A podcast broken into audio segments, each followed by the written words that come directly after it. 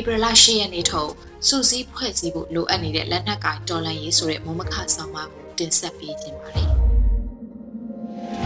စစ်တပ်အာဏာသိမ်းပြီးနောက်လုံသက်နက်တူမီနဲ့မောင်းပြန်ရိုင်ဖယ်ကာပိုင်စတဲ့လက်နက်အမျိုးမျိုးနဲ့ဒေသကာကွယ်ရေးတပ်ဖွဲ့တွေဖွဲ့ကစစ်ကောင်စီတပ်တွေကိုကြားဖြတ်တိုက်ခိုက်တာရဲစခန်းတွေစစ်ကင်းစခန်းတွေမြို့တွေနယ်တွေကအုပ်ချုပ်ရေးရုံးတွေအစိုးရရုံးတွေကိုတိုက်ခိုက်လာခဲ့ကြပါတယ်။ အဲ့လိုတပ်ဖွဲ့တွေကတော့ချင်းပြည်နယ်မှာခုခံတိုက်ခိုက်နေတဲ့ချင်းလူမျိုးလက်နက်ကိုင်တပ်ဖွဲ့တွေကို CDF လို့ခေါ်ကြပြီးကယားပြည်နယ်မှာ KNDF အမည်နဲ့တဖန်မကွေးတိုင်းနဲ့စကိုင်းတိုင်းတချို့ဒေသတွေမှာ PRA ဆိုတဲ့နာမည်နဲ့ဖွဲ့စည်းလှုပ်ရှားကြပါတယ်။စကိုင်းတိုင်းမှာတော့ပလဲရင်းမဲ့ပင်ကနီစလင်းကြီးမင်းကင်းစသဖြင့်မြို့နယ်တွေတိုက်နယ်တွေအလိုက်ကိုအမည်အမျိုးမျိုးနဲ့ကာကွယ်ရေးတပ်ဖွဲ့တွေဖွဲ့စည်းထားကြတာပါ။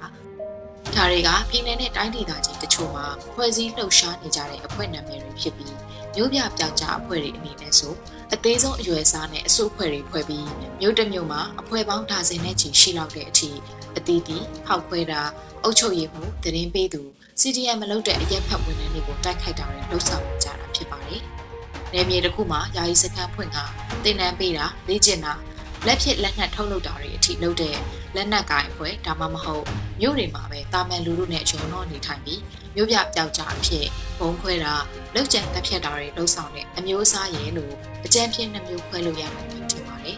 ဒီလိုအစုဖွဲ့တွေသူ့မြို့သူ့ရွာအလိုက်သူ့အစုဖွဲ့အလိုက်စုဖွဲ့ကြတာဟာလုံခြုံရေးအကြောင်းကြောင့်နဲ့ရမုံငွေရရှိမှုပေါ်အခြေခံကြတာဖြစ်ကောင်းဖြစ်ပါလိမ့်မယ်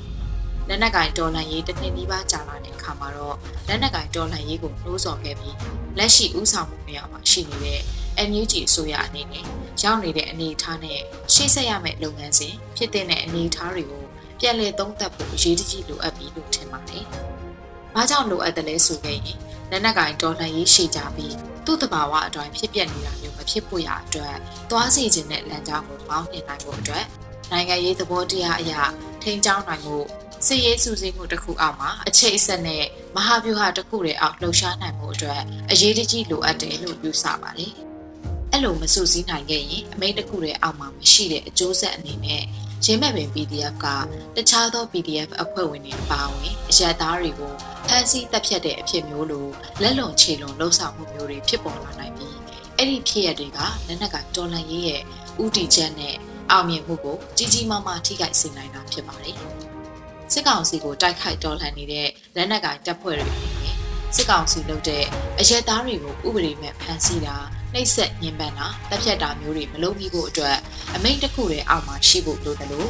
အဲ့လိုလုပ်ရမျိုးကျူးလွန်ခဲ့ရင်လည်းအပြစ်ပေးအရေးယူတဲ့စနစ်ရှိနေဖို့လိုအပ်တာဖြစ်ပါတယ်။အရေးကြီးတဲ့တစ်ချက်ကတော့ PDF အဖွဲ့တွေအနေနဲ့တစုတစည်းတည်းဖြစ်မနေပဲဒေတာအလိုက် သူ့ဗန်နာနဲ့သူရှာပြီးတီထောင်ကြရတဲ့အခါဗန်နာရဖို့လူလူရဲ့ထဲ့ဝင်ကူညီမှုလို့မှန်ကန်တဲ့နီလန်းနဲ့လှုပ်ဆောင်တာမျိုးလည်းရှိတယ်လို့ပြန်မေးဆွဲတာမျိုးဓမြတိုက်တာမျိုးတွေလည်းဖြစ်လာနိုင်ရှိတာကိုသတိမူဖို့လိုအပ်ပါတယ်။နောက်တစ်ချက်ကတော့စီရေးအရာအမိန့်တစ်ခုတည်းအောက်မှာမဟုတ်တဲ့အခါလှုပ်ရှားမှုတွေ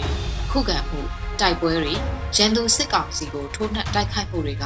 တကွဲတပြားစီဖြစ်နေမှုဖြစ်ပြီး စူးစီးမှုအင်အားချိန်ကိုက်ဖြစ်မှုအင်အားကောင်းမှုအခြေအနေတွေရရှိဖို့မလွယ်ကူတာကိုကြုံတွေ့ရမှာဖြစ်ပါတယ်။ချင်းပြည်နယ်မှာတိုက်ခိုက်တဲ့အချိန်မှာချင်းပြည်နယ်နဲ့ဆက်ဆက်ဒေသတွေဖြစ်တဲ့ပခုတ်ကူပေါ့စောရောကလေးဂန့်ကောစတဲ့ဒေသတွေမှာဘယ်လိုစီးရေးလှုပ်ရှားမှုတွေလုပ်တဲ့လဲ။ကြားပြည်နယ်တိုက်ပွဲတွေနဲ့တခြားဒေသကတိုက်ပွဲတွေ ဘလို့အချိန်ကိုက်လှုပ်ရှားတဲ့တယ်လဲဆိုတဲ့အရေးကိစ္စတွေရှိနေတာသတိပြုမိကြနိုင်မယ်ထင်ပါတယ်။အခုဆွေးနွေးရေးပြခဲ့တာတွေကဆယ်စုနှစ်တွေကလေးကဒါမှမဟုတ်2021ခုနှစ်ဆီအာနာမသိမ်းမီကလေးကတရှိပြီးတိုင်းရင်းသားလက်နက်ကိုင်းတွေကိုထည့်သွင်းမရေးတွက်သေးပဲဆီအာနာသိမ်းပြီးနောက်ပေါ်လာတဲ့ပြည်သူ့ကာကွယ်ရေးတပ်ဖွဲ့တွေကိုပုံပေါ်လာအောင်စဉ်းစားကြည့်တဲ့သဘောလည်းဖြစ်ပါတယ်။လက်နက်ကိုင်းတိုက်ပွဲတွေမှာအတွေ့အကြုံများစွာရှိတဲ့လွတ်မြောက်နေမြေတွေကိုထိန်းချုပ်ကာကွယ်ထားနိုင်တဲ့ တိုင်းသားလက်နက်ကိုင်အဖွဲ့တွေနဲ့မဟာမိတ်လုပ်နိုင်မှုကလည်းအရေးကြီးဆုံးအချက်တွေပါဝင်နေပါတယ်။စစ်ရေးအရာနိုင်ငံရေးအရာမဟာမိတ်လုပ်နိုင်မှုလိုအပ်တဲ့ရက်တီချက်ဂတိကဝတ်ရိုးသားစွာနဲ့ပူးပေါင်းလှုပ်ဆောင်မှုတွေလိုအပ်လိမ့်မယ်လို့ထင်ပါတယ်။ဒီနေရာမှာအမိတ်တစ်ခုတည်းအောက်စူးစီးဖို့အတွက်ထောက်ပံ့နိုင်တဲ့ဘဏ္ဍာရေးရှိဖို့